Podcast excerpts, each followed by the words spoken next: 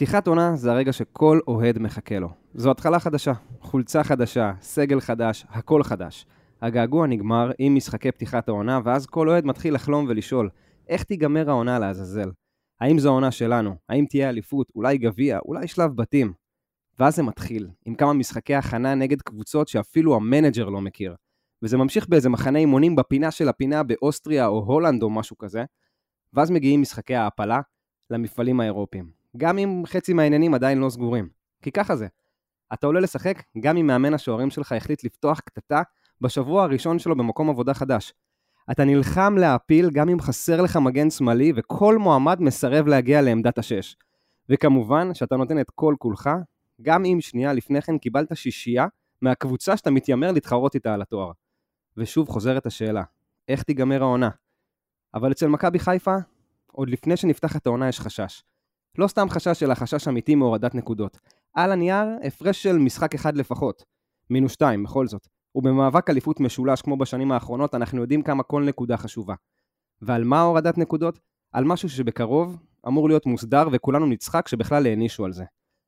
האנשים שמנהלים את הכדורגל שלנו החליטו להתערב בתחרות על התואר. הם החליטו שהפגיעה בספורטיביות והורדת הנקודות היא לגיטימית בשם האחריות השילוחית של מכבי חיפה. מתי נבין שענישה קולקטיבית לא פותרת כלום ורק מעמיקה את הבעיה? כל אדם שעושה עבירה במרחב הציבורי צריך להיענש ואיצטדיון כדורגל הוא לא יוצא מן הכלל. להגיד שלקבוצה יש אחריות שילוחית על האוהדים שלה זה כמו להגיד שלעיריית חיפה יש אחריות שילוחית על כל תושב חיפאי בכל הארץ ואם אחד מהם יחליט לגנוב רכב או לתקוף עוברי אורח, העירייה תישא באחריות. הרי כולנו יודעים שביום שבו אוהד ייענש בצורה פרטנית על מעשה שעשה באיצטדיון כדורגל, הכל ייראה אחרת. קנס אחד של כמה אלפים, וכמות המתפר... המתפרעים באצטדיונים תרד פלאים. אבל ככה זה. כשהולכים על הדרך הקלה, הרי הדרך הכי טובה לממן את המשכורות של העסקנים הללו, היא עוד עונשים ועוד קנסות. די, נמאסתם עלינו. בקיץ, שבו נבחרות הנוער שלנו עושות חיל בעולם ומנור סולומון חותם בטוטנאם, הגיע הזמן לשינוי.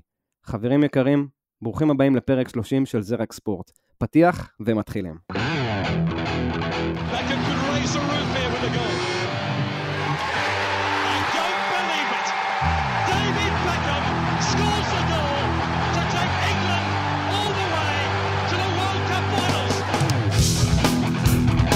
Boer speelt de bal. Heel goed naar Dennis Bergkamp. Dennis Bergkamp. Dennis Bergkamp neemt de bal aan. Dennis Bergkamp. Dennis Bergkamp. ערב טוב, מה קורה, מה קורה, מה קורה אנשים, פרק 30. איתי כאן אה, לב בפרק סולו. לב, מה קורה? אהלן, אהלן, שלום. מקווה שאני אייצג בכבוד. מקווה, מקווה. בואנה, תשמע איזה מוזר זה. אני פעם ראשונה שאני פותח פרק, מתרגש בטירוף, כאילו אלכס לא כאן, אני רגיל, אתה יודע, לשבת מהצד השני, להקשיב לפתיחים שלו, ופתאום אני עושה את זה. מודה, הדופק אה, קצת גבוה, זה כמו חילוף אה, בכורה לשחקן בית או משהו כזה, לא? זה כמו, אתה עם המונולוג הזה היית קצת כמו החלוץ המחליף, שמקבל את, את ההזדמנות במשחק הראשון ושם גול אחרי חצי דקה. זה היה מאוד מרשים. וואו, זו מחמאה טובה. זה היה מונולוג יפה. זו מחמאה טובה. אז אם עקיצה יפה למאמן שוערים, אז כל הכבוד. לגמרי, לגמרי. אנחנו עוד נגיע לזה, עוד נדבר על זה. יש לנו פרק עמוס עם אירופאיות וכולי, או יותר נכון ישראליות באירופה. אה, ונראה לי שדי פתחתי לנו, כאילו, את כל, ה, את כל הנקודה הראשונה, או את הנקודות הראשונות שאולי יורדו. אני בתור אוהד מכבי חיפה זה מאוד מעצבן אותי, אבל מעניין אותי מאוד לשמוע דווקא את הדעה שלך, אה, אוהד מכבי תל אביב, בכל זאת, איך אתה רואה את זה מהצד? זה זוועה. זה זוועה גם כי זה לא הוגן, כי בסוף, שוב, להיות אוהדים של קבוצה כזו או אחרת, זה לא הדבר הראשון שמגדיר אותנו באישיות שלנו. שנינו פשוט, או כולנו, אוהבים כדורגל. ואתה יודע כשזה קורה לקבוצה עם קהל, כלומר בכללי, קבוצות סבלו פה כל כך הרבה שנים בלי קהל, ואז אתה רואה שאוהדים באים, ונכון, אוהדים עושים דברים שהם לא מוסכמים, שהם לא בסדר והכל, אבל עם זאת, זה קורה בכל קהל, זה בחיים לא אמור להגיע להורדת נקודות. כלומר, אף אחד, אני יכול להגיד לך גם מה, מהצד שלי, כשאתה מסתכל על אה, אוהדים של מכבי תל אביב שאני מדבר איתם וכו', אף אחד שם לא שמח יותר מדי כי אמרו אבל ברור שזה יהיה אצלנו בעוד רגע, ברור שמשהו יקרה ודרך אגב ביום חמישי האחרון נגיע למכבי תל אביב ולאירופאיות אבל ביום חמישי האחרון אחרי אחד השערים וגם כשהיה שם איזה משהו מהקבוצה המולדובית נזרקו כוסות מהיציע וכשדור פרץ הבקיע נזרקו מוטות מהיציע הרי ברור שזה יקרה בליגה ברור שתהיה הורדת נקודות. זה לא הוגן. זה לא הוגן כלפי הקהל הרחב זה לא הוגן כלפי המועדונים וזה לא הוגן באופן כללי. כלומר זה אמור להיות הורדת נקודות אמורה להיות באופן כללי הדבר האחרון שעושים כשיש באמת התנהלות לא נכונה של המועדון יודע מה, אני אתן לך שתי דוגמאות שהשפיעו כבר, לא על אליפות, אלא דווקא להפך, על ירידת ליגה, זה היה מכבי פתח תקווה, באחת הפעמים שהם ירדו ליגה, עם אה, עלי חטיב, אם אתה זוכר שהיה שם אה, מאמן שוערים או עובד או מישהו במכבי פתח תקווה שבעט לו, שבעט בו בראש כשהוא היה, כשהוא היה על הרצפה, והיה, וזה קרה גם בעונה שהפועל תל אביב ירדה ליגה, נראה לי ב-2017, גם להם הורדו נקודות, זה לא אמור להיות, גם אז אני חושב שלא צריך היה להוריד נקודות. להוריד נקודות זה להגיד, הקבוצה לא אמורה, כלומר הקבוצה אמורה להיפגע בצורה הכי, כלומר, הכי לא הגונה שיש. על משהו שאינדיבידואל עושה, וגם אז זה היה לא בסדר, זה היה מצחיק לנו בגלל שזה לוזונים או בגלל שזה הפועל תל אביב, אבל באופן כללי זה סיוט וזה לא הוגן וזה מרחיק אנשים מאהדת כדורגל. ולכן אני נגד גם, באמת, בדיעבד, גם על מה שהיה אז, בטח נגד על מה שיהיה עכשיו למכבי חיפה ועל מה שאין לי שום ספק שהשנה ירדו נקודות גם למכבי תל אביב, על, על דברים כאלו. וגם כשזה לא הורדת נקודות, אני מתנצל, אבל גם כשזה לא הורדת נקודות, גם כשזה סגירת יציאים, סגירת יציאה למכבי חיפה במשחק אליפות שנה שעברה, יש לי חברים, אני אמנם ב, יושב בשער אחר בבלומפילד, אבל יש לי חברים שיושבים בשער 11, שזה כמו היציע הצפוני למכבי חיפה, זה השרופים. רוב החבר'ה שם, יש שם 5,000 אוהדים, רוב החבר'ה שם משלמים מנוי אחד היקרים בליגה ורוצים לבוא לראות כדורגל, כן, לעבור את כל הבידוק של השוטרים, יחס לא נעים וכו' וכו', רוצים לבוא לראות כדורגל כמו שאמרת. שנה שעברה 18 משחקי חוץ, במשך תשעה משחקים היציע היה סגור בגלל שילד אידיוט החליט לזרוק כוס או משהו. עכשיו, לרגע נצא מהפוזיציה של אני אוהד את זה ואני אוהד את זה, זה לא כיף לאף אוהד כדורגל. בסוף האוהד אומר, שילמתי על 18 משחקים הרבה כסף, יכולתי ללכת רק לתשעה. זה לא בסדר, זה לא הוגן, והדבר האחרון שאני אגיד, הטכנולוגיה קיימת, הפתרון קיים. אתם החלטתם בתור התאחדות שאתם לא רוצים שיהיו ביציע אבוקות או שיהיו אה, חזיזים או שיזרקו דברים, תצלמו, תצלמו את האוהדים האלה, יש מספיק חברות ישראליות, לא צריך אפילו לחפש משהו מחו"ל, שיעשו בדיוק את זה, שיעשו זיהוי פנים, צריך להתקין 50 מצלמות ביציע, תעשו את זה, זה בסדר גמור, זה אפשרי, ראינו את זה נעשה בעבר, תעשו את זה, תביעה, בתביעה הראשונה זה ייסגר לחלוטין. ומי שלא יבין, זה ייסגר בתביעה השנייה. זה לא הוגן וזה לא מגיע לנו, לא החבר'ה שצופים מהבית ואוהדים, ולא החבר'ה שמנסים להגיע ליציע וליהנות מזה. מסכים איתך עם כל מילה, זה באמת מרגיש כאילו זו סוג של רולטה כזאת. פעם, פעם למעלה, פעם למטה, וזה תמיד איכשהו חוזר אליך. עכשיו, זרקת כבר את הנקודה, העניין הזה של מצלמות לזיהוי פנים וכולי, אתה יודע, אנחנו אחת מהמדינות המובילות בעולם, גם בנתב"ג, מי שמכיר וכולי, ובכל מיני מתקנים ביטחוניים יש לנו את זה. זו טכנולוגיה מאוד מאוד פשוטה, שדווקא פה בארץ היא קיימת. עכשיו, אני בנאום שלי אמרתי, אמרתי את שלי, אמרתי שהאנשים שמנהלים את הכדורגל, הם הולכים על הפתרון הקל, אוקיי? הפתרון הקל מבחינתם הוא קודם כל להטיל מורה, אוקיי? שיהיה פחד, מה זה אומר? סגירת יציע הורדת נקודות, אלו אנשים של פחד, של הרתעה, כמו שאנחנו אוהבים לשמוע בחדשות בהקשרים אחרים.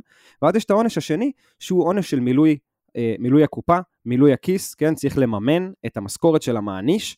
אז ככה היא מענישה את הליגה בעצם בו זמנית, גם עם קהל וגם עם נקודות. עכשיו, ביציע, אתה יודע, אה, אה, מושב ליד מושב, כולנו עומדים, ב, ב, ב, כולנו יושבים באיצטדיונים בארץ, יש רופאים, מתכנתים, אינסטלטורים, אה, אה, זרוק לי עוד מקצועות, נגיד נגרים, חבר'ה שעובדים בשילוח, אחיות אה, וכולי, אוקיי?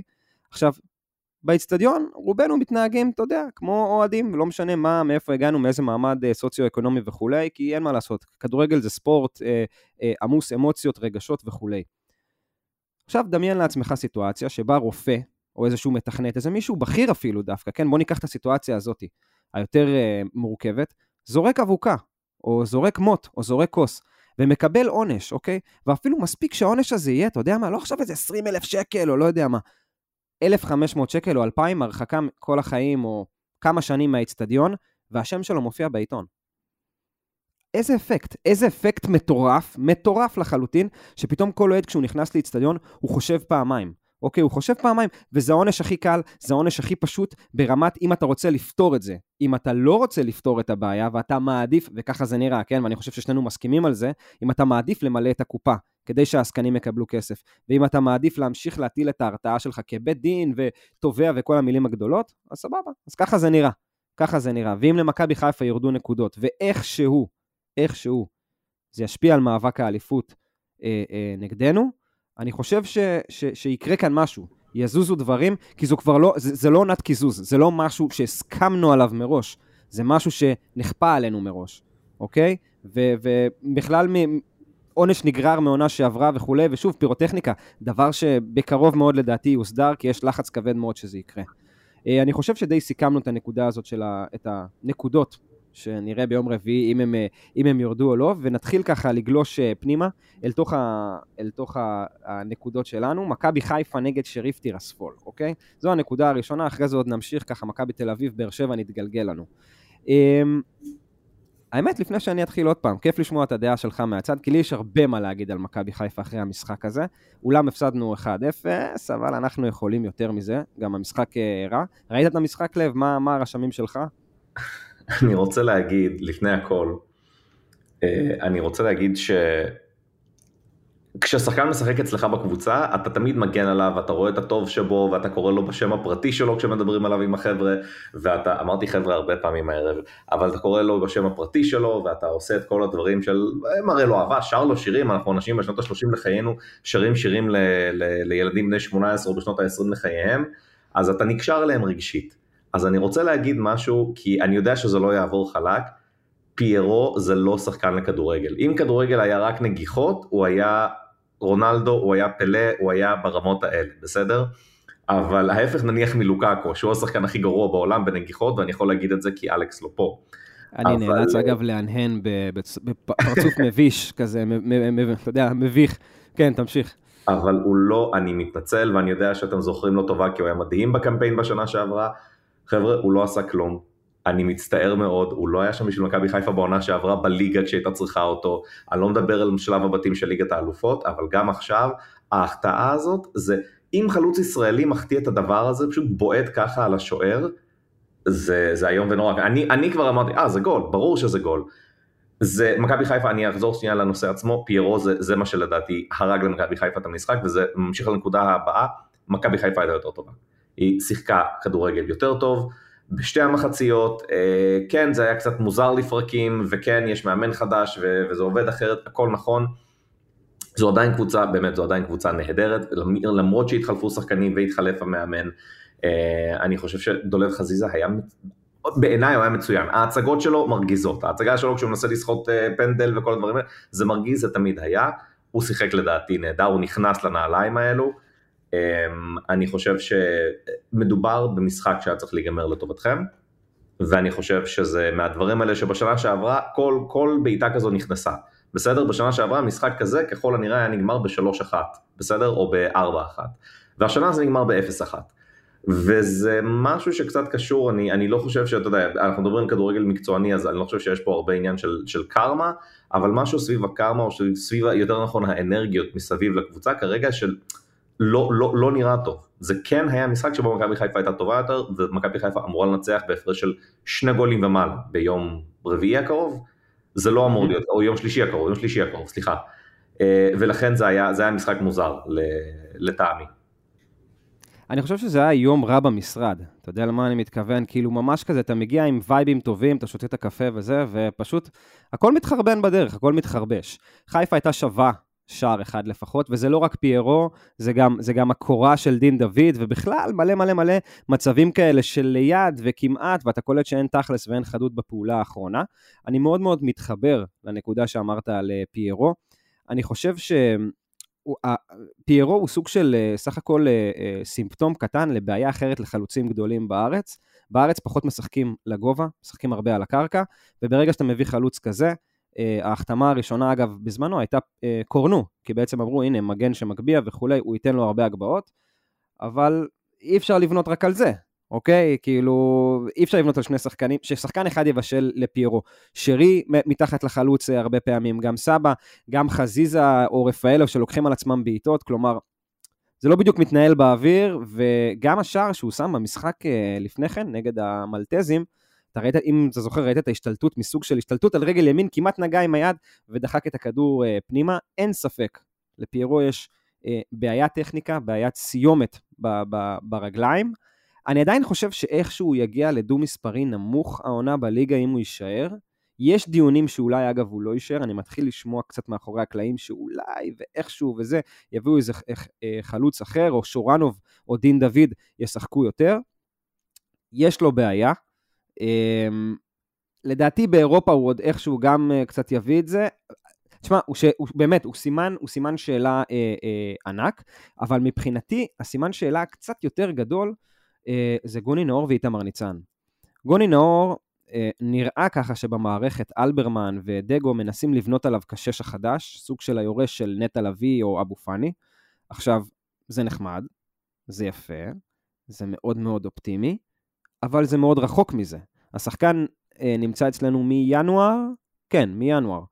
אה, ככה שאת השיטות, שיטת משחק, בגדול הוא מכיר. הוא היה בזמנים, בזמן עם, עם בכר חצי עונה, ודגו לא שינה יותר מדי, זה לא שדגו פתאום בא ואמר, חברים, משחקים עם שני, שני שוערים ובלי חלוץ. הוא נשאר פלוס מינוס על אותה שיטה עם שינויים וטוויקים מאוד מאוד קלים, וגוני נאור שחקן מאוד מאוד משחק על בטוח, מאוד מאוד מסירות לרוחב כזה, אתה יודע, התבדחנו בקבוצה, אני אגיד את זה, ושלא יגידו לי שעכשיו אני גזען או משהו כזה, אבל מה לעשות, זה פשוט, זאת הקונוטציה הישירה שעולה. אה, גוני נאור הוא סוג של אלמושנינו לאשכנזים, כן? כאילו, מה שאלמושנינו היה פעם, מחלץ כזה על החצי ונותן פס אה, אה, רוחב, חיפה צריכה שש קצת יותר דומיננטי מזה. לצערנו, אה, כל המועמדים שהגיעו, שהיו ברשימה לא הגיעו, ופה אני פותח לך פתח קטן על צ'לובה, או כמו שאני אוהב לקרוא לו חלובה, אה, על זה שהוא לא הגיע. יכל להיות שחקן מעניין, ואני יודע שלך יש טק מעניין פה על, אה, על חלובה ידידנו.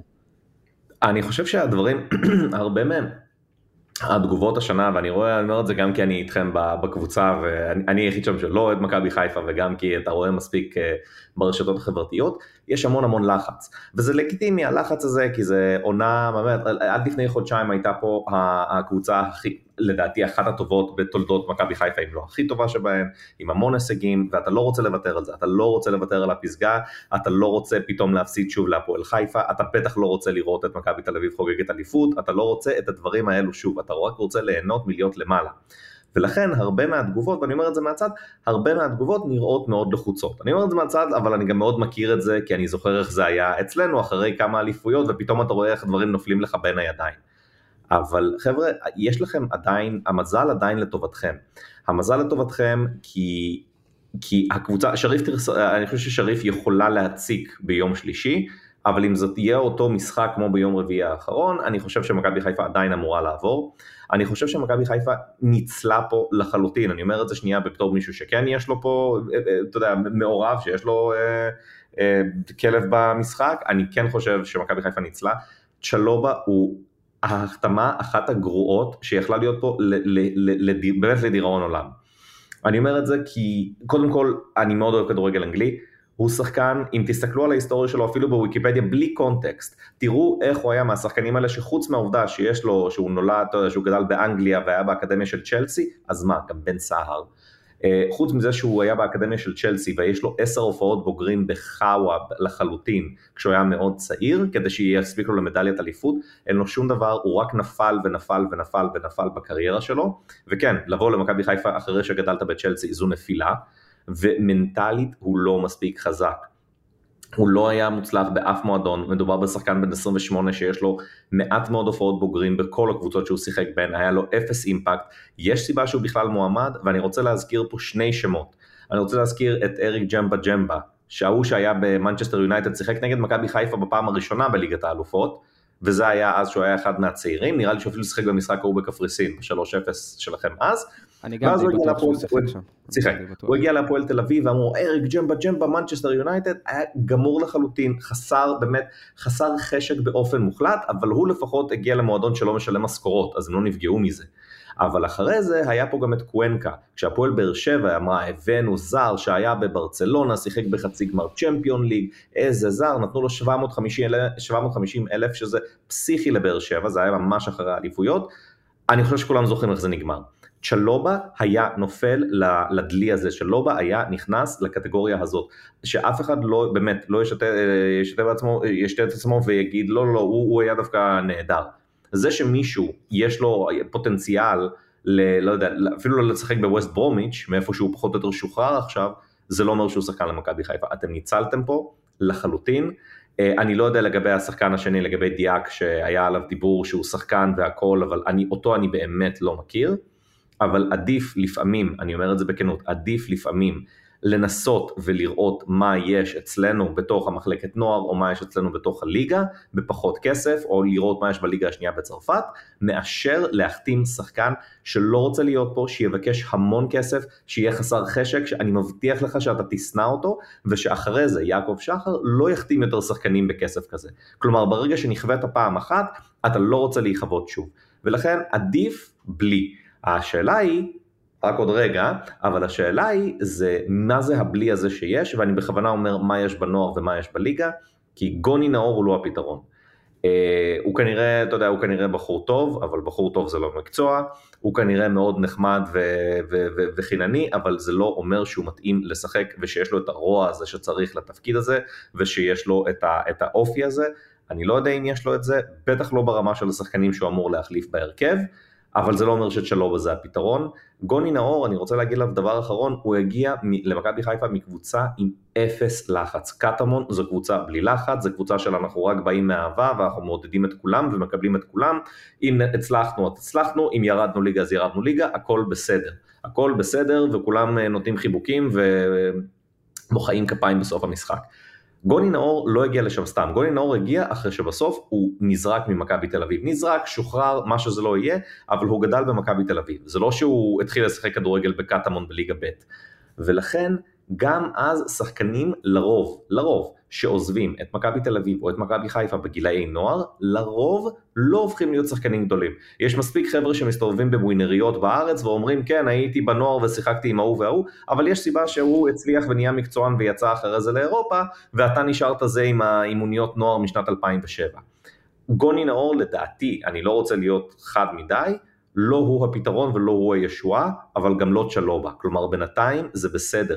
שריף טירספול לא תוצאה טובה ולא תוצאה שהגיעה למכבי חיפה על המשחק שהיא שיחקה, אבל זה עדיין בסדר. כלומר, אתם עדיין לא בבור שבו אתם חושבים שאתם נמצאים בו, נוכח התגובות.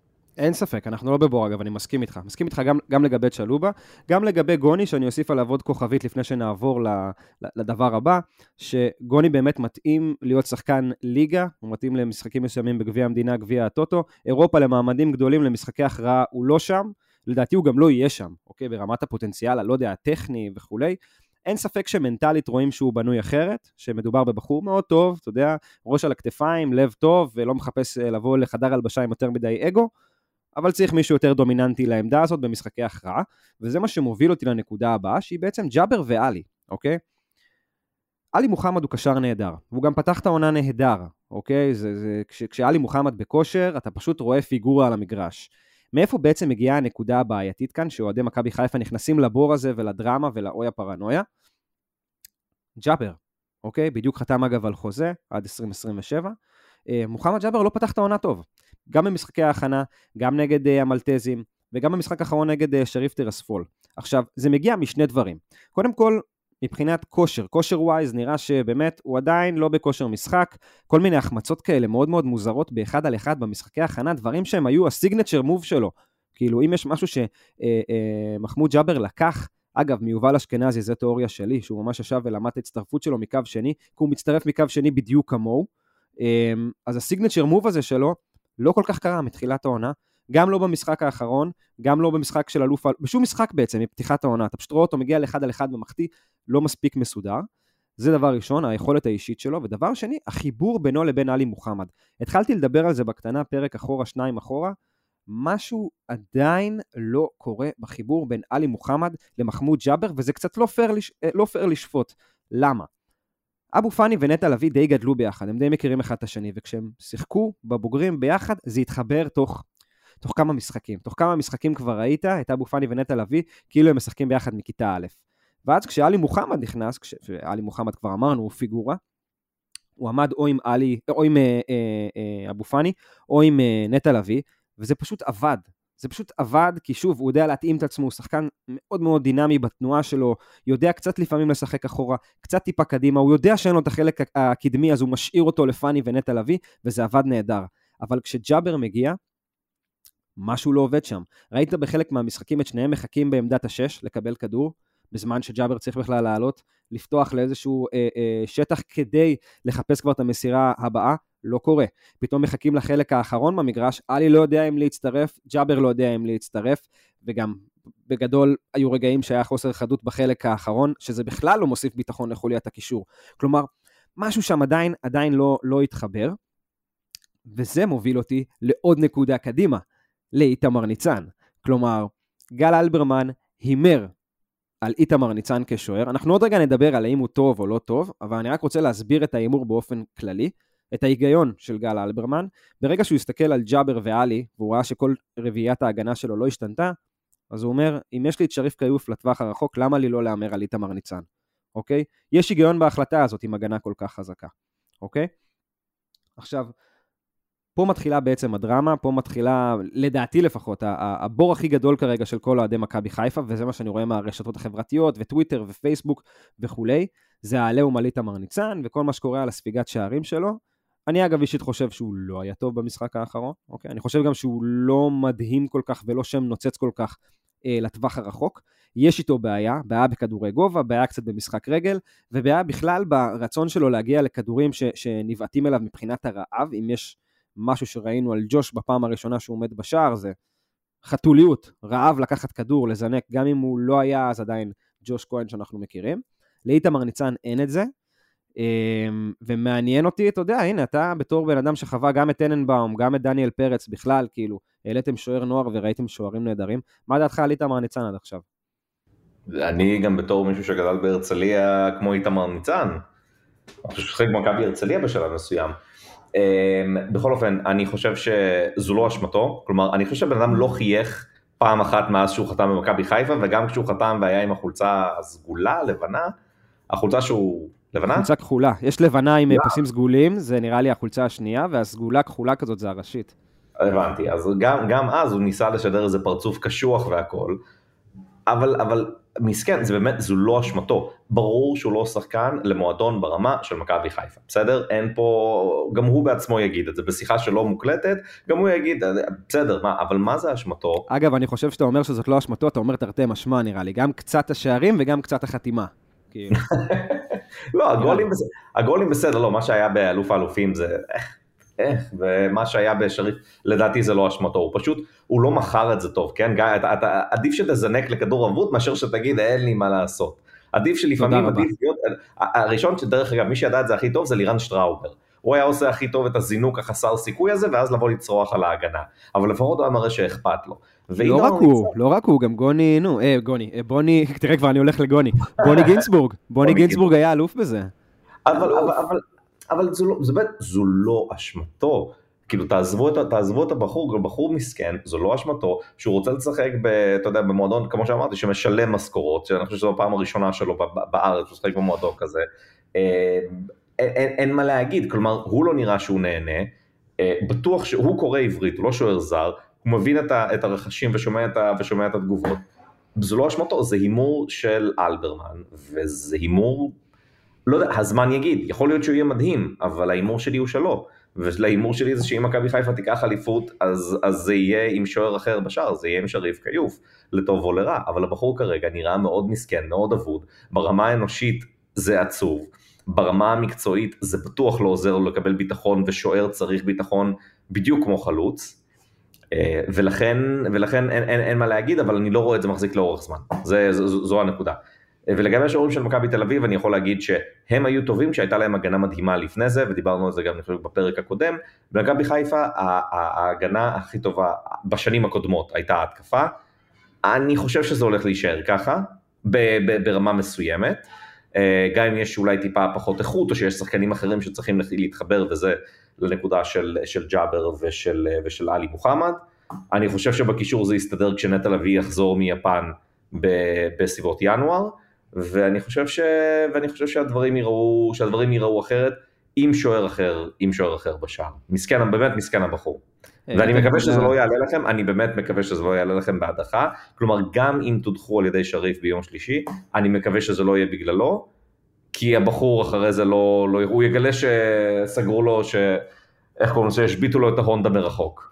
אני, אני חושב שאנחנו נעלה, אגב, אני חושב שאנחנו נעלה, ראינו את זה גם במשחק, אני, אני חושב שמה שמדהים זה, שאם היינו נותנים את השני שערים האלה, אף אחד לא היה מדבר לא על איתמר ניצן ולא על גוני. היו מדברים. אה, לא, בא, לא באותה מידה, לא, לא הדרמה, כאילו כמו, נכון. אתה יודע, כישלון וכולי, ואלברמן מה עשית, ואני לא רוצה להקריא לך פוסטים, אבל בסדר, זה כדורגל וזה הגיוני, אמוציות וכולי, אני מאמין שאנחנו נעבור, וזה בעצם מחבר אותנו לנקודה הבאה, למכבי תל אביב. מכבי תל אביב נגד פט, פטרוקוב, פטרוקוב, איך אומרים את השם שלהם? אני מנסה כן, לקרוא כן, אותו, אגב. כן, כן. איך? איך שאמרת, איך שבא לך. איך שבא לי. פטרוקוב, כן, פטרוקוב. אה, נותנים שלישייה, אחרי שישייה כן. להפועל באר שבע, שבכלל השישייה היא הייתה נראית, אה, באמת, זה היה נראה כאילו אה, אתם עכשיו זוכים כבר בטראבל, אה, כבר בפתיחת העונה. כן. לי יש כמה נקודות על מכבי תל אביב, האמת, אתה יודע מה, הפעם אני אתחיל. אני חושב ש...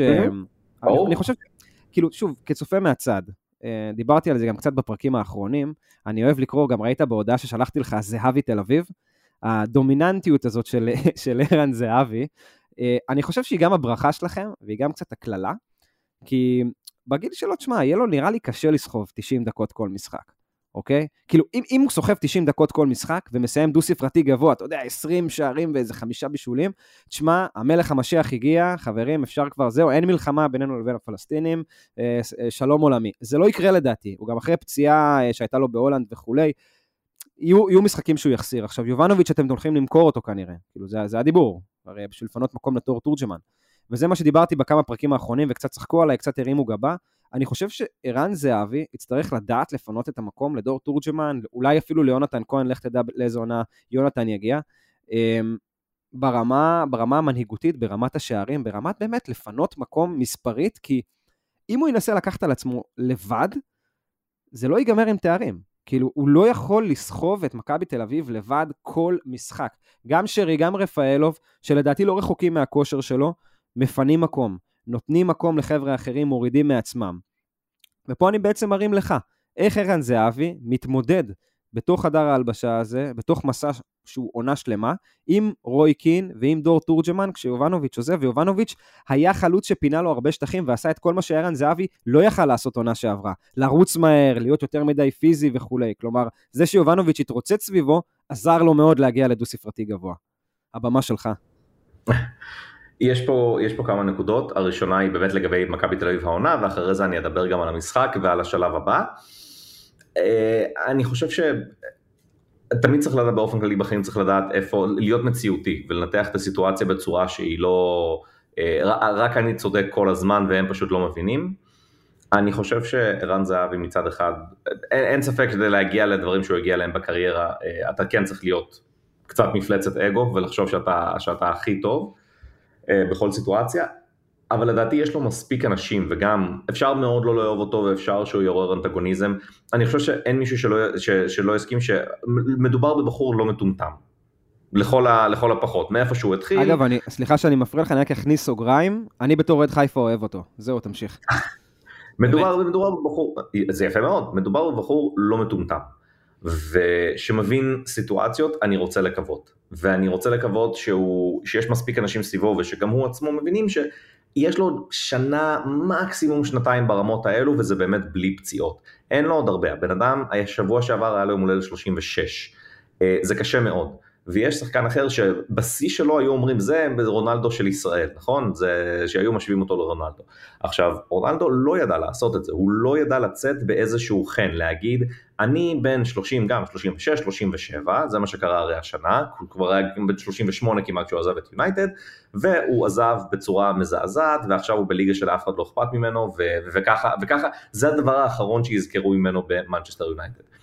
ואני חוזר למועדון פחות גדול ממנצ'סטר יונייטד וזה מכבי תל אביב, אני חושב שערן זהבי יהיה מסוגל להבין וקצת לזוז הצידה כדי שבאמת, כדי שיוני כהן לא ייתן עוד עונה של שער אחד, כדי שמילסון ברגע שהוא יחזור אה, כן יצליח להתחבר טוב, כדי שדור פרץ כן יצליח להיכנס לרחבה ולכבוש את הגולים שלו, כדי שדור תורג'מן יתחבר, כדי, ש, כדי שהוא בסוף ייקח אליפות. מה שערן זהבי, אם הדבר שהוא ירצה זה אליפות, אז, אה, אז, אז הוא יצליח. אם הדבר שהוא ירצה זה להתקרב עוד קצת לאלון מזרחי ולשים 25 גולים, בסדר, עברנו את זה עם, אה, עם, עם אבי נימני. כלומר, זה, זה, זה, לא, זה לא ישים אותי באיזשהו הלם, זה פשוט יבאס. אני חושב שאם הוא בשלב הזה חושב על המורשת שלו וחושב על מה שהוא ישאיר וחושב על לזכות באליפות אחרי שהוא חזר בכל השנים שהוא היה בסין והולנד וכו', אה, הוא חושב על לחזור ולעשות את זה בצורה הנכונה, ובצורה שבה הוא ייזכר בתור מישהו גדול, ואני לא רואה דרך אגב את ערן זהבי אה, נשאר בכדורגל אחרי זה, אתה מבין? אני לא רואה אותו נשאר אחרי זה, הולך להיות מאמן, הולך להיות מנג'ר, הולך להיות, הוא מקסימום ילך להיות בעלים, כן? אז, אה, ולכן אני חושב שזה די... השירת, אני כל כך רוצה לא להגיד הריקוד האחרון, אבל שירת הברבור שלו, בסדר? זה, זה באמת אחד האקטים האחרונים בקריירה, אני רוצה להאמין שהוא יצליח לראות את זה, שהוא יצליח לזוז הצידה. יובנוביץ' צריך ללכת כי שני הצדדים מיצו, הוא מיצה את מכבי תל אביב ולא גדל למה שחשבו שהוא יהיה, למה שהוא חשב שלא קיבל את הבמה שהוא חשב שהוא יקבל, אה, ובטח מכבי תל אביב שלא יכולה להשתמש בו יותר מדי. אני חושב שזה שהמאמן הוא חלוץ ומנסה לשחק כדורגל התקפי זה טוב. אמ, אני חושב שהכל תלוי בזהבי, אני מסכים איתך, בטח מבחינת להכתיב את הטון, ואני מקווה שהוא יצליח לעשות את זה בצורה הנכונה. לגבי ההתמודדות עכשיו, אני רוצה לחזור שוב אליו, לערן זהבי, היה לו, כשהוא היה צעיר יותר, בטח לפני שהוא עזב את ישראל וכו', אה, הוא היה מאוד כופה את עצמו למשחק. וזה היה קורה גם בנבחרת, הוא היה יותר כמו טל בן חיים, והוא היה עושה דברים שהוא לא אמור לעשות, והוא היה משחק בעמדות שהן לא מתאימות, ומנסה ללחוץ כשהוא לא צריך ללחוץ, הוא לא חלוץ מהיר, אה, הוא לא חלוץ שמשחק טוב, אתה יודע, בתור, אה, הוא לא מכדרר טוב, הוא לא עושה דריבלינג טוב, הוא לא עובר שחקן באחד על אחד. הוא לא היה מתרכז בחוזקות שלו, והוא בעיקר היה מנסה לכפות את עצמו על המשחק, וכמו טל בן חיים החלוץ, שאף אחד לא, לא משתגע עליו, אמ, היית יודע שאם יש לו יום לא טוב, בסדר, אם הוא נכנס למשחק לא טוב, זה הולך להיגמר, זה יותר קרוב להיגמר בצהוב ואדום, מאשר בפתאום גול שלו. וזה היה ערן זהבי של פעם. השבוע, במשחק הראשון מול, מול המולדבים, קודם כל היה חום אימים, כולם הזיעו ביציע בטירוף, השחקנים כבר בקושי רצו משני, משתי הקבוצות כי זה היה מזעזע, החום היה מאוד מאוד קשה, הם באמת נפלו מהרגליים. אה, הקבוצה ממולדובה, פטרו... אלוהים, פטרו... אגב, פטרו... אגב, זה נהיה כבר נשק, נכון? כאילו, אנחנו זוכרים את זה עוד מהימים של המהפך על אוקטובה, שכאילו דקה 60 צפונה בקיץ, כל מי שמגיע לפה, חוטף כן. חום. כאילו כבר... ג'ורדי, בעונה של ג'ורדי קרויף, אה, בעונה של ג'ורדי קרויף אימן את מכבי תל אביב, היה משחק מול קבוצה מאיסלנד. ואני זוכר שהוא הקדים את המשחק אה, לארבע וחצי, כדי, ש, כדי שהם באמת ימותו שם. אה, עכשיו, אני חוזר, אני חוזר למשחק הנוכחי, ערן זהבי לא כפה את עצמו למשחק. במחצית הראשונה הוא נגע בכדור פעם אחת. פעם אחת, ואני חושב שעוד פעם אחת שהוא בעט משהו שנשרק לנבדל אחרי זה. והוא לא, אתה רואה שהוא לא כופה את עצמו למשחק, הוא לא בא ונותן מבטי רצח לשחקנים שלא מוסרים לו, הוא לא בא וצורח על אילון אלמוג שמחטיא המון, הוא לא עושה שום דבר מהדברים האלה, ובשלב מסוים הוא מקבל את הכדור, אומר תן לי את הכדור, מקבל את הכדור, שם גול נהד, באמת גול נהדר, שגומר את המשחק, שם את הגול הכי חשוב, 1-0 היה מאוד חשוב, אבל הגול השני היה עוד יותר חשוב, כי זה כבר גמר את זה לחלוטין. הקבוצה ששיחקנו מולה, אני מתנצל, אין בה שום דבר מרשים, חוץ מהעובדה שהיא משחקת בתכלת. ואנחנו ניסינו לחשוב במהלך המשחק, איזה קבוצות אצלנו בארץ משחקות בתכלת. כחול יש, אבל תכלת, אני לא חושב ש... לא זוכר שהיו. איזו? הייתה אחת, מכבי פתח תקווה במקור. היום זה קצת יותר כחול, אבל במקור זה היה תכלת. כן. יפה, למדתי. למדתי, הייתי צריך אותך לפני שלושה ימים, יומיים. בסדר, אבל זה כן אה, פתח תקוואי, ואתה יודע, יש פה קבוצה עם אוהד אחד, אתה יודע, וכאילו גם, היו שניים, אחד מהם היה אבא שלי, הוא כבר נפטר, אז כאילו, אתה יודע, רק בגלל זה. מכבי פתח תקווה, כן, אבא שלי היה עוד מכבי פתח תקווה. וואו. כן, כן. אה, יפה, יפה, יפה מאוד. עכשיו, אבל מעבר לעובדה הזאת, הם, הם מתאימו, הם קבוצה שמתאימה לליגה שמכבי פתח תקווה שיחקה בה בשנה שעברה. לא היה שם שום דבר מרשים. שריף היא כנראה הקבוצה היחידה בליגה הזאת, כי גם הפועל באר שבע נגיע אליה, שיחקה מול קבוצה כזאת. עם זאת, אני רוצה להגיד שהרבה מזה קשור לדינמיקה, לאנרגיות, למה שיוצא. מה שיוצא ממכבי תל אביב, העונה או הקיץ הזה, בחודש וחצי או אפילו בארבעת השבועות, הזמן, לא כל כך הרבה זמן עבר, מאז שבן מנספורד אה, באמת התחיל, או מאז שיולי התחיל, אבל בואו בוא נגיד שמאז שהעונה הקודמת נגמרה, מה שיוצא מקריית שלום זה סוף סוף דברים חיוביים, וגם אם יש פאשלות יודעים להסתיר אותם. ג'ורדי קרוף היה נהדר בזה, כי שחקנים היו עושים שטויות, והפעם זה היה איש צוות, מאמן השוערים, היו עושים שטויות גם בתקופתם, וגם במכבי חיפה, וגם בכל מועדון, כמו בכל מקום עבודה. אנשים לפעמים עושים שטויות, אם המערכת יודעת להכיל את זה, אז הכל יהיה בסדר.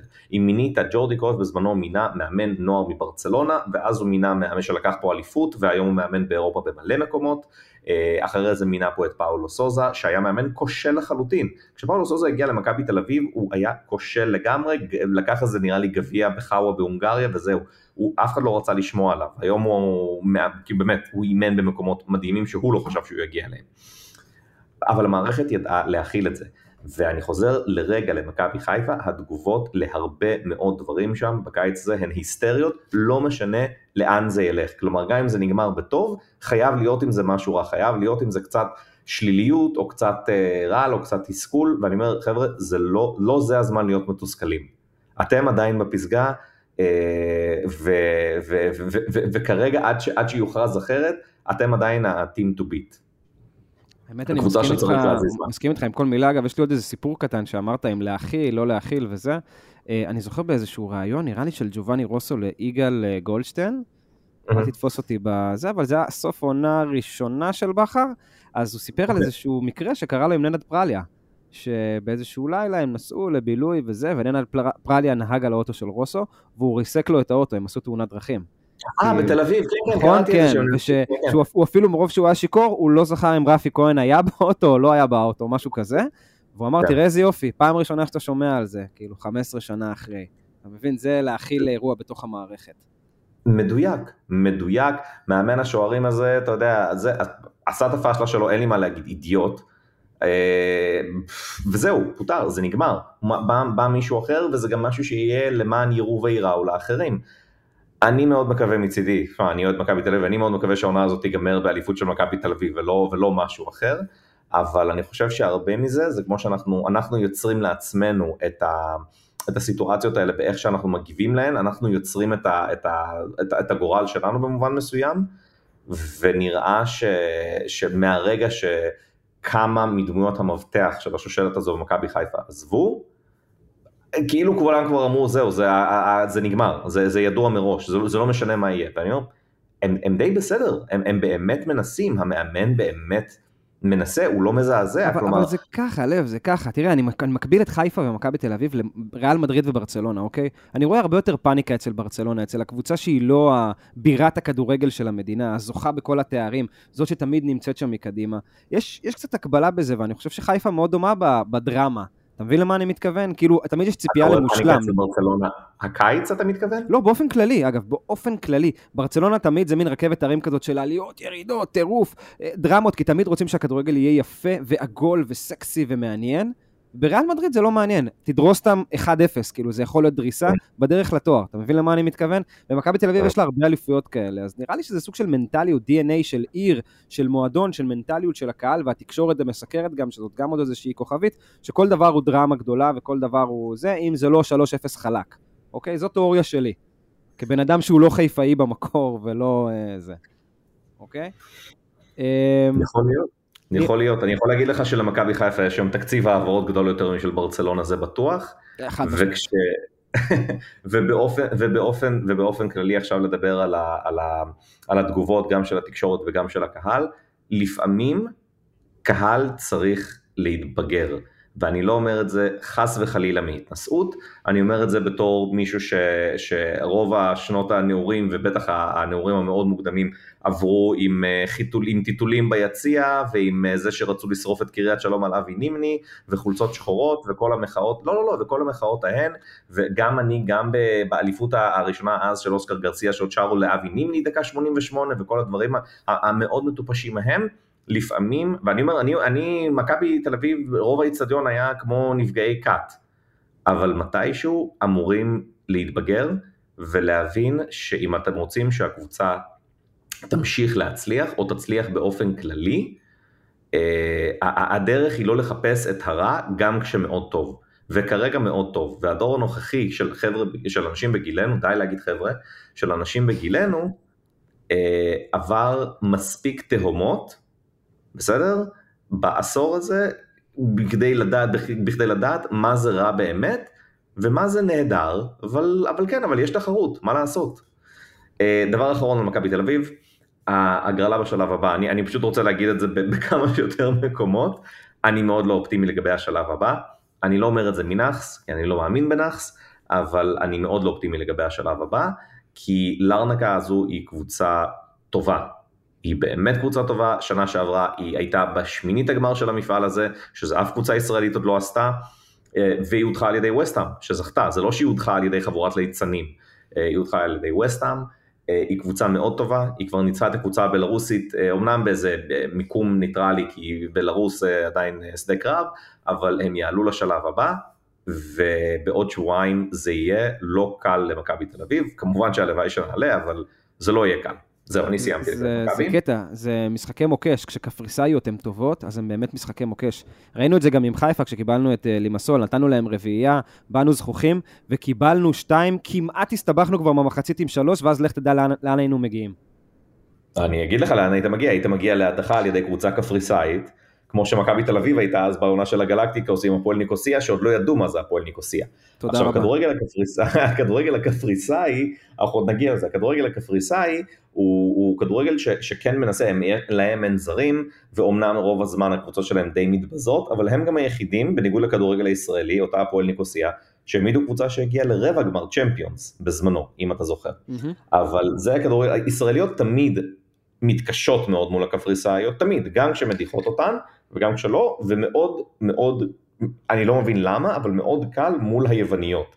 וזה בדיוק הנקודה הבאה, זה בית"ר נגד פאוק, מה שהיה, מה שהיה שם, אה, וזה תמיד, דרך אגב, אני בכנות לא מצליח לחשוב על פעם שקבוצה ישראלית הייתה פייבוריטית במפגש מול קבוצה יוונית, וזה תמיד נגמר בסדר. וזה תמיד נגמר בקבוצה ישראלית מדיחה את הקבוצה היוונית, חוץ מפעם אחת, שזה כשמכבי תל אביב הייתה פייבוריטית מול אטרומיטוס, או איך שלא קראו להם, אני שכחתי כן, כבר. אטרומיטוס, כן, אטרומיטוס. כן? כן. והם הודחו מולם. אה, ובאמת זה, זה היה, אני חושב שגם לא שיחקנו בארץ אם אני זוכר, כן זה היה... כן, שנות האלפיים לדעתי, שנות האלפיים, לא, לא, לא, בדור הנוכחי של מיץ' גולדהר, עוד נראה לי שזה גם כן? משחק היה בקפריסין, אבל זה לא משנה, זו קבוצה יוונית שאיכשהו הגיעה לאירופה, ואתה יודע, זו העונה האחת שלה באירופה, והיא היחידה שהדיחה קבוצה ישראלית. כלומר כל האולימפיאקוס פאו, כמה פעמים שהם לא שיחקו נגד קבוצות אה, אה, פנתניקוס, כמה פעמים לא שיחקו נגד קבוצות ישראליות, הן כן, בעונה ההיא. אה, הם תמיד תמיד תמיד אה, הודחו. וזה מה שמדהים גם לגבי פאוק עכשיו עם בית"ר. כלומר, על הנייר, בית"ר שזו קבוצה עם רק כישלונות באירופה, ואתה רק צריך לבחור איזה ביזיון היה יותר גדול, אה, הגיע לפאוק והגיע לטומבה וזה בית הקברות וזה הקבר, או יוונית אני לא מדבר, אבל זה הקבר והקברנים זה האוהדים שלהם והכל ואיזה מפחיד וכמה קשה הולך להיות ואיזה טירוף והאוהדים המוטרפים של הטירוף, זה היה, זה היה בסדר, כלומר היה שם, אני, אני רק רוצה להגיד, בשוער ביתר פגעה זה כבר בינואר, הוא, הוא ייצב אותם. הוא, הוא ב... אני לא מצליח להבין מאיפה הנחיתו את השוער הזה. תראה, זה עדיין לא אומר שום דבר על היציבות שלו, כן? כאילו יכול להיות שבעוד יום-יומיים, אתה יודע, ייכנס לאיזה משבר וייקח לו קצת זמן לצאת ממנו, אבל ביכולת שיא זה שוער מדהים. איך אמרת לי בהודעה, הם היו צריכים לחטוף 10-0? 10-0 היית כן. רחמן, הם היו צריכים לחטוף יותר מזה. הם הגיעו פעם אחת לשער. וכאילו גם הפעם... שנגמר במשקוף? כן, שנגמר במשקוף איכשהו, כאילו, אתה יודע, כאילו המזל רצה שהם, אה, שהם ייתנו שם גול, וזה לא קרה. אבל סילבה, גם באלוף האלופים, נתן משחק כן. מעולה, לקח פנדל שם בפאוק, כאילו בינגו כן. רציני. אגיד, אגיד דבר, אני אגיד פה שתי אמיתות לא נעימות, אחת לך ואחת לי. אה, לגביך, מיגל סילבה הוא שוער טוב יותר מאיתמר ניצן, כלומר, היית, היית לוקח אותו היום, ולגביי, יוסי אבוקסיס הוא מאמן כדורגל. אה, אפשר, אה, אולי, אולי, אולי, אולי הוא לא מתאים לאמן את מכבי חיפה או מכבי תל אביב או קבוצה שרצה לאליפות, אבל הוא בהחלט לנישה הזאת שלו, הוא בטח לא בקבוצה של, למרות ששרון מימר עשה עונה טובה, של חיים סילבס ושל כל המאמנים תמיד שיש ברולטה וכל השמות שתמיד זורקים, ואיך קוראים לו, המאמן של הפועל חדר ניסו אביטן mm-hmm. ו- וקורצקי, הוא לא בנישה הזאת, וגיא לוזון, לא לא לא, יוסי אבוקסיס הוא מאמן כדורגל, הוא יודע לבוא לקחת קבוצה שהיא אנדרדוג, לבנות שם כנראה גם מנטליות, אבל לבנות שם גם שיטה ולהתאים ולהביא את השחקנים שמתאימים, הוא יודע לעשות את זה. אני הייתי אומר את זה גם לקראת יום חמישי הקרוב, אני מאחל להם שיצליחו עם קבוצה ישראלית באירופה, אני מאחל להם שידיחו את פאוק, זה גם יהיה באמת, זה יהיה גם כבוד לנו וזה גם יהיה, וזה גם יהיה נחמד להם, כי מתי שאתה רוצה להפסיק סבל, לכל מועדון זה קורה שאתה אומר די, תפסיק, מגיע לכם גם משהו יפה. מעבר לזה, גם בא לי שהוסיפו נקודות אה, לליגת העל, כולנו נרוויח נכון. מזה, כאילו הגיע הזמן להפסיק לקנא בקבוצות אחרות כשהן מצליחות. אגב, גם אם אתם פתאום תגיעו לשלב בתים קונפרנס ותעלו ממנו למשחקי הצלבה או וואטאבר, תגיעו כמה שיותר רחוק מבחינתי. אני רוצה שליגת העל תצבור נקודות, כי אז זה אומר שהאלופה, ואולי גם הסגנית, מי שלא נכון. יודע, בשנים האחרונות הניקוד של ליגת, ליגת העל הוא מאוד קריטי. אולי גם הסגנית תהיה במוקדמות ליגת האלופות, אנחנו נרוויח מזה, אוקיי? נכון, נכון. אתה מאוד צודק, ואני, ולכן אני מאחל לבית"ר הצלחה, ואני רוצה להגיד עם כמה שאנחנו עדיין קצת בקונספציה, לוקח לנו קצת זמן להשתנות, אה, אני אגיד את זה גם על עצמי, שלהגיד כן, זה עדיין בית"ר של משה חוגג ושל דברים שהם לא על מגרש הכדורגל, הם קבוצה טובה, הם באמת, בכנות, קבוצה טובה. ניקולאסקו, נכון שהוא כנראה לא רוצה להישאר שם וכו', הוא עדיין שם. אה, יש את אה, פרדי פריידי, פריידי חלוץ נהדר. חד משמעית.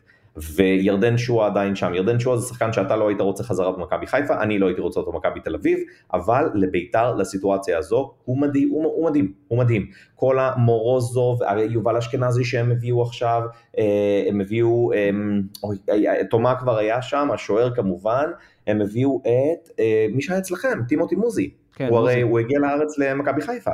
אה, שהוא, דרך אגב, יש לו כבר שתי עונות ושתי ירידות ליגה, אבל יש לו כבר שתי עונות בליגת העל, והוא עדיין מאוד צעיר. אה, אז הם כן, והוא אצל יוסי אבוקסיס, אני אומר את זה עכשיו לא רק בגלל פארק, אני אומר את זה גם בגלל הליגה, אני חושב שביתר חד משמעית יכולה, גם נראה מה יהיה עם באר שבע ואם ייכנסו לסחרור משישייה חסרת חשיבות, לא, לא אמרתי על זה מילה כי זה היה חסר חשיבות, זה היה נחמד בקטע של אה, שש אחת, אבל זה היה חסר חשיבות. אז אם באר שבע ייכנסו לסחרור, והם השנה מנסים לחסוך, יש פייט למקום השלישי, אם לא, אז, אה, אז, אז ביתר תהיה רביעית. אני באמת מאוד מאוד מתרשם מהם, וממה שיוסי אבוקסיס בונה שם. לגמרי, ואני רוצה אפילו עוד יותר להרים לך, שכחת שחקן אחד קודם כל קריטי שם, יובל אשכנזי, שגם בגילו עדיין יש לו את החוכמה לעשות ולקבל כדור ממוסרים כמו אה, מיכה ושועה. ואני אעלה פה עוד כוכבית, כן, אה, מיכה זה מי ששכחנו בזה, גם עוד שחקן מדהים בתוך הקאדר הזה של להתגונן ולצאת להתקפות מעבר, אתה צריך מוסרים טובים, ואני מעלה פה איזושהי כוכבית, איזושהי תיאוריה, שאם היא תקרה לדעתי נרוויח. חמזה שיבלי כנראה יוצא להשאלה, אוקיי? אם הוא מושאל אה. או לנתניה או לביתר ירושלים, אני חושב שהוא מאוד ירוויח. מאוד מאוד ירוויח, וגם הקבוצות שיקחו אותו מאוד ירוויחו, כי צר... שתיהן צריכות שחקן כזה, אוקיי? שתיהן מאוד כן. צריכות שחקן כזה. כן, כן, כן. עכשיו, אני רוצה לדבר שנייה, לפני שגם נגיע לבאר שבע, אני רוצה לדבר שנייה גם על השלב הבא. בשלב הבא, הלוואי שביתר תעלה, זה יהיה נהדר גם להם, גם לכדורגל הישראלי, וגם טדי מפוצץ באוהדים של, של הקבוצה, מגיע להם, יהיה להם כיף, אבל בשלב הבא מחכה להם היידוק ספליט, שזו סגנית אלופת קרואטיה הנצחית, כי אלופת קרואטיה הנצחית זו דינה מוזגרב, מאוד לא קל, עוד קבוצה עם אוהדים מרגיזים, אבל אפשרי, מכבי תל אביב הדיחה את היידוק ספליט בפנדלים בקרואטיה, אז היו דברים מעולם, אבל קודם כל הלוואי שיעברו את פאוק, זה יהיה משהו שאף אחד לא צפה. Uh, בשלב הבא של מכבי תל אביב אמרנו מחכה לארנקה, שזה גם יהיה מאוד מאוד לא, לא קל, ואפשר להגיע לקבוצה, אני חושב לקבוצה הבאה, ששיחקה באירופה. הגענו כן. להפועל באר שבע, הקבוצה שיש לה הכי הרבה חלוצים בסגל לעומת הטופ שלוש, ואיכשהו, איכשהו, היא כובשת שער למשחק, נראה לי רק במשחק, כן, במשחק הראשון שלה, בפתיחת העונה היא כבשה שלוש נגד איזה קבוצת אינסטלטורים ב... לא יודע מאיזה, מאיזה איי פארו או משהו כזה. אה, כבשה שלוש, ובכל שאר המשחקים היא כובשת אחד נגדכם, חוטפת שישייה, שישייה, לא, זה לא סתם שישייה, זה שישייה לדעתי אפילו יותר משפילה מהגמר גביע, כי הם לא היו על הדשא. אה, משהו מאוד מוזר שם, כאילו אני ראיתי את המשחק, אתה יודע, אליאס הוא זה שכובש את השער, הקשר שלך, וגם זה מתוך משחק באמת קצת של אה, חפירות. אני חושב שכל העניין פה על באר שבע, ואני אומר את זה מתחילת העונה, הוא על ברדה. עליו תקום ותיפול אה, אה, באר שבע. הוא המאמן הבכיר ביותר מבין הטופ שלוש, וכרגע, כרגע, כרגע, נראה שהוא משחק קצת כמו איזה שרון מימר או משהו כזה, הגנתי, אגרסיבי, לא הגיוני. שקבוצה שיש לה אגף ימין כל כך חזק, יש לה אגף ימין, אגב, שכנראה הולך להיות אחד היתרונות שלה ביחד עם הקישור, כן? בדש ויחזקאל. על כנף ימין. זה חתיכת mm. כנף ימין מעניינת מאוד לקבוצת טופ ב- בליגה הישראלית, ובכלל גם המפעלים האירופיים זה יכול לעבוד. ברדה משחק יותר מדי הגנתי. הוא מחפש יותר מדי את הבלגנים ואת האגרסיביות, ואיפה הקישור שלו שהוא אגרסיבי ייקח את הכדור. אוקיי, הבנו, בסדר. אתה אגרסיבי, אתה יכול לקחת את הכדור, יאללה, מגניב, בסדר. יש לך שני בלמים שלא כל כך יודעים להניע את הכדור, אז אם לא תגרום להנעת כדור מהחלק האחורי או משהו לקרוא לפיתוח של התקפות, מה, מה יישאר לך?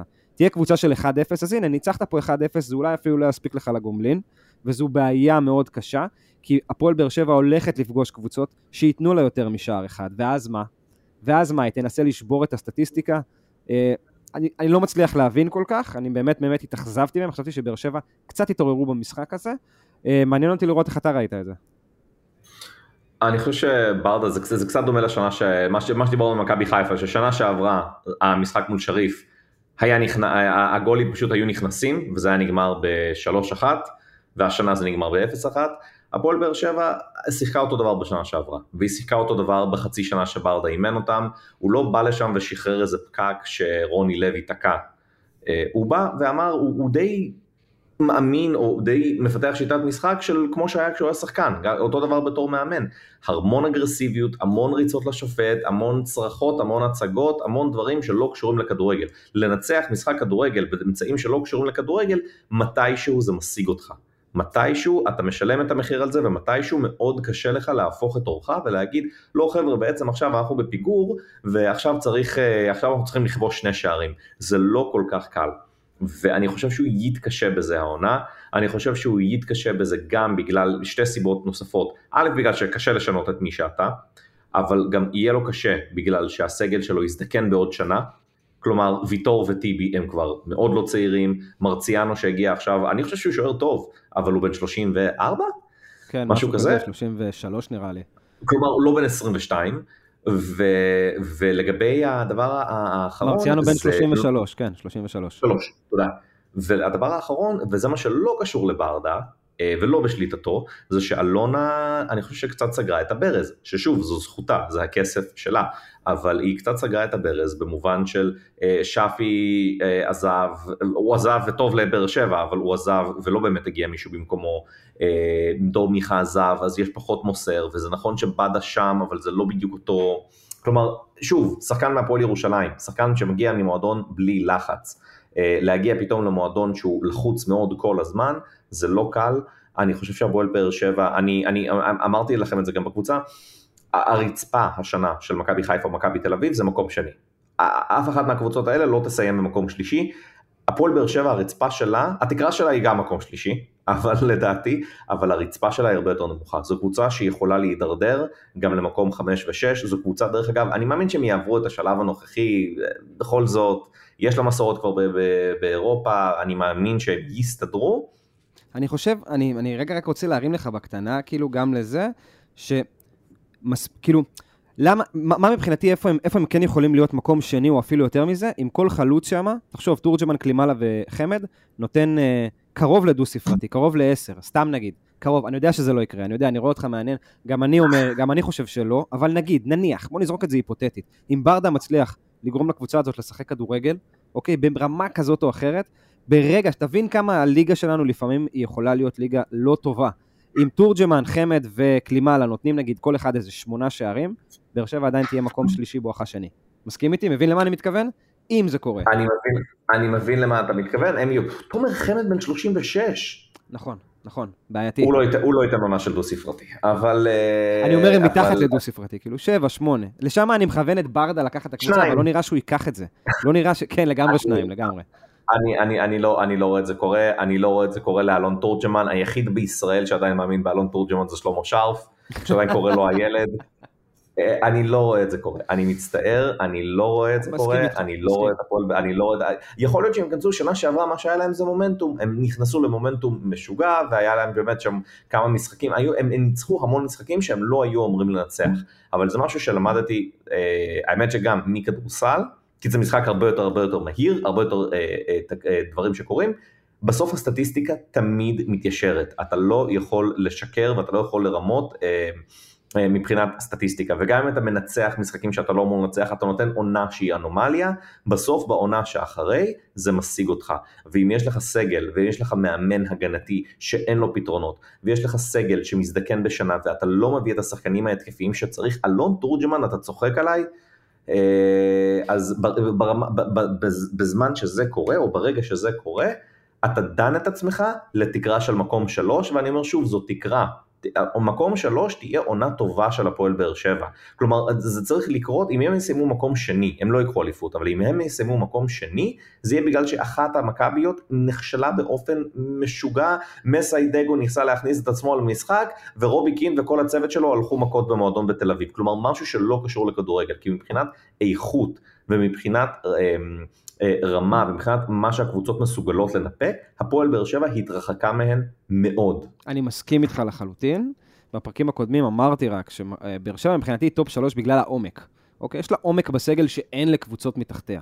כלומר, אם תסתכל על מקום 4-5 ומטה בליגה, כאילו, אתה יודע, יש קבוצות שיש להם שני שחקנים לשחק עליהם, או שלושה, וזהו. ואנחנו מדברים, אתה יודע, על כל מיני ריינה, הפועל פתח תקווה, מכבי פתח תקווה, שחק... כל מיני רועי זיקרי וכאלה, כן? עכשיו, אין מה לעשות. הפועל באר שבע משחקת הגנתית, זה סוג שמתחיל להיות ה-DNA שלה, היא מנסה לעשות שולו, מנסה להיות אתלטיקו מדריד של ישראל, אחלה מגניב, כפיים לאלניב ברדה. ואני שוב אומר, הוא חייב לקחת את זה צעד קדימה. הוא חייב לקחת את זה צעד קדימה. יש לו עומק, אוקיי? ספורי יכול לה, להבריק בחלק מהמשחקים. אליאס, עדן, שמיר וגורדנה, אה, זה קישור נהדר לליגה. זה באמת קישור נהדר לליגה. לא מדהים, לא הול אוף פיים של uh, הכדורגל הישראלי, אבל יכולים לתת uh, שלוש, ואולי מקום שני באמת, אם אתה אומר, אם uh, אחת מהמכביות uh, נופלת, ככה להפתיע. ושוב אני חוזר לזה, חלק אחורי uh, uh, uh, מבוגר נקרא לזה, ואגף ימין מאוד חזק, אוקיי? שגיב יחזקאל וגיא בדש. ועל זה תקום ותיפול אה, הפועל באר שבע, וברדה חייב לדעת עכשיו, לקחת את העניינים, להסתכל על השישייה ועל ה-1-0 העלוב, אני אגיד את זה בצורה הזאת, העלוב שהם הוציאו, כן. כי הסגל, הערך של הסגל בטרנספר מרקט, אתה יודע, זה משהו ש... ש... במנג'ר, כן. זה לא שם, אוקיי, זה לא שם, אה, זה עלוב, ברדה צריך להסתכל על הקבוצה ולהגיד, אוקיי, חברים, איך אנחנו, איך אנחנו מתחילים לייצר פה כדורגל, אוקיי? איך אנחנו מתחילים לגרום לדבר הזה לעבוד? אני אגיד דבר כזה, אם מכבי חיפה, כמה קריטית אירופה להפועל באר שבע. אם ביתר מודחת על ידי פאוק זה יהיה מאוד מבאס, אבל אף אחד לא יהיה בהלם, ביתר לא אמורה להדיח את פאוק. אם מכבי חיפה תודח על ידי שריף, זה יהיה מאוד, אה, זה יהיה מאוד מבאס, בעיקר לאוהדי מכבי חיפה, זו לא תהיה טרגדיה א' כי עדיין יש אירופה, וב' כי הרגע היה לכם ליגת אלופות. אם מכבי תל אביב, אני אומר את זה בכנות, תודח על ידי לרנקה, זה יהיה מאוד מבאס, אפילו קצת מביך, אבל כולם יגידו, בסדר, אנחנו רוצים אליפות. שלוש שנים אנחנו רק, אתה יודע, אנחנו על הקרשים, אנחנו צריכים אליפות. אם הפועל באר שבע, בשלב הבא, אני אומר, אני חושב שהם יעברו את המולדבים, אם הם מודחים על ידי מולדובה הם יכולים לא לפתוח את העונה, על ידי הקבוצה ממולדובה. אבל אם הם מודחים, בשלב הבא מחכה לבסקי סופיה מבולגריה, לא קבוצה מטורפת, אה, אבל גם קבוצה שהיו לה הצלחות באירופה בעבר. אה, אם הפועל באר שבע לא מגיעה לפחות לפלייאוף, כלומר לא עוברת את הקבוצה, אה, את לבסקי סופיה מבולגריה, הרי זה רק יוסיף לטירוף שיש שם, זה רק יוסיף ללחץ שכבר יש שם ומבעבע והאוהדים והאנשים לא מרוויחו. אה, להם זה קריטי, וזה, וזה, וזה יביא את זה למצב שבו הם, הם יתחילו את העונה במינוס נקודות, אבל מנטלי. גם אם זה לא יהיה כבר בבית הדין, זה לא יהיה, זה לא יהיה אותו דבר, הם כבר יבואו, הרבה מאוד מהמשחקים ששנה שעברה נגמרו 1-0, ייגמרו ב-0-0 וב-0-1. ואיזה קטע זה יהיה, שבסוף המאמן כביכול הכי בכיר, זה שיש לו הכי הרבה משחקי בוגרים ותואר וכולי, והוא לקח את התארים הרי ממכבי חיפה ישירות, מהקבוצה הכי אטרקטיבית בשנים האחרונות, ובסוף דווקא הוא יכול לפתוח את העונה במינוס המנטלי אה, הכי גדול. זה אחד הדברים הכי מעניינים. אגב, בתיאוריה שלי אני, אני, אני רואה אותם מסתבכים בגומלין, אוקיי? אה, אני מקווה מאוד שלא, בשביל הכדורגל הישראלי, אבל אני רואה אותם מסתבכים אה, בגומלין. אה, מה אתה אומר, נעשה סבב, אה, ככה לקראת סיום, נעשה סבב הימורים על תוצאות, על המשחקים, אה, משחקי גומלין של האירופיות, לדעתי על מכבי תל אביב אפשר לדלג, כי אתם עברתם כבר כן. בהתחלה עצמה, כאילו כן, זה כן. לא רלוונטי. כן. תיתנו להם 1, 2, 6, 7, לא, לא נכון. לא מעניין. נכון. נראה לי נתחיל, מ... נתחיל מביתר, נתחיל מביתר, אוקיי? ביתר גומלין בארץ, נגד פאוק, בא לי להגיד הפתעה, בא לי מאוד להגיד הפתעה, אתה יודע מה? מה, אני אקח את זה להפתעה? זה חייב להיות בהערכה או פנדלים, נראה לי, אם זה הפתעה. כאילו, לא, הם יפלו מהרגליים. 1-0 90 דקות לביתר, יאללה, נפרגן להם, למרות שזה לא יקרה. כנ"ל, כנ"ל, 1-0 ביתר. אה, פאוק סלוניקי היא שם הרבה יותר גדול מביתר, אבל הם סיימו שנה שעברה מקום רביעי ביוון. זה לא שהם קבוצה שלקחו אליפות והתדרדרו לשלב הזה, סיימו מקום רביעי, 1-0 אה, ביתר.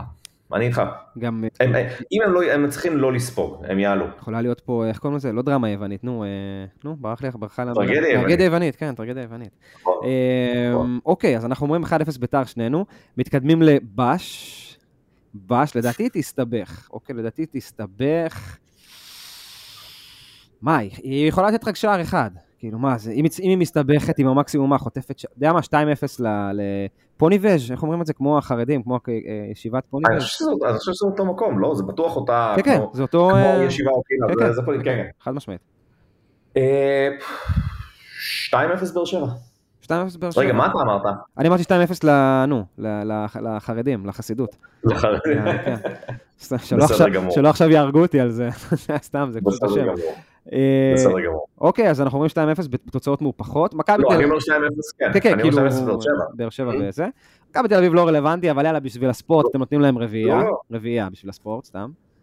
אני חושב, אני חושב שלא, אני חושב שזה ייגמר אפילו או ב-0-0 או 1-0, וזה בסדר, אני לא רואה את מכבי תל אביב סופגת מהם, אני חושב שהוא ייתן למלא שחקנים סתם לשחק, אבל זה באמת, אני לא רוצה להיות שחצן מדי, זה לא מאוד רלוונטי, אני מאמין שיהיה בסדר. הם מדובר בקבוצת, באמת, קבוצת אה, צמרת בליגה הלאומית, אני, זה לא אני אמור חושב להיות. שגם אה, החבר'ה מהקונפרנס, הם מחליפים את הטייטל של המשחק מ-competitive ל-friendly.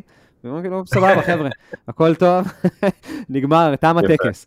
אה. אוקיי, מכבי חיפה, הגענו לבשר, הגענו למנה העיקרית, הגענו לרגע האמיתי. עכשיו, הנה, יודע מה? פה נעשה הפוך, אתה תתחיל. הערכה. הערכה. אני אומר 2-1 למכבי חיפה והערכה, זה יהיה. מאוד קשה, זה יהיה מאוד קשה.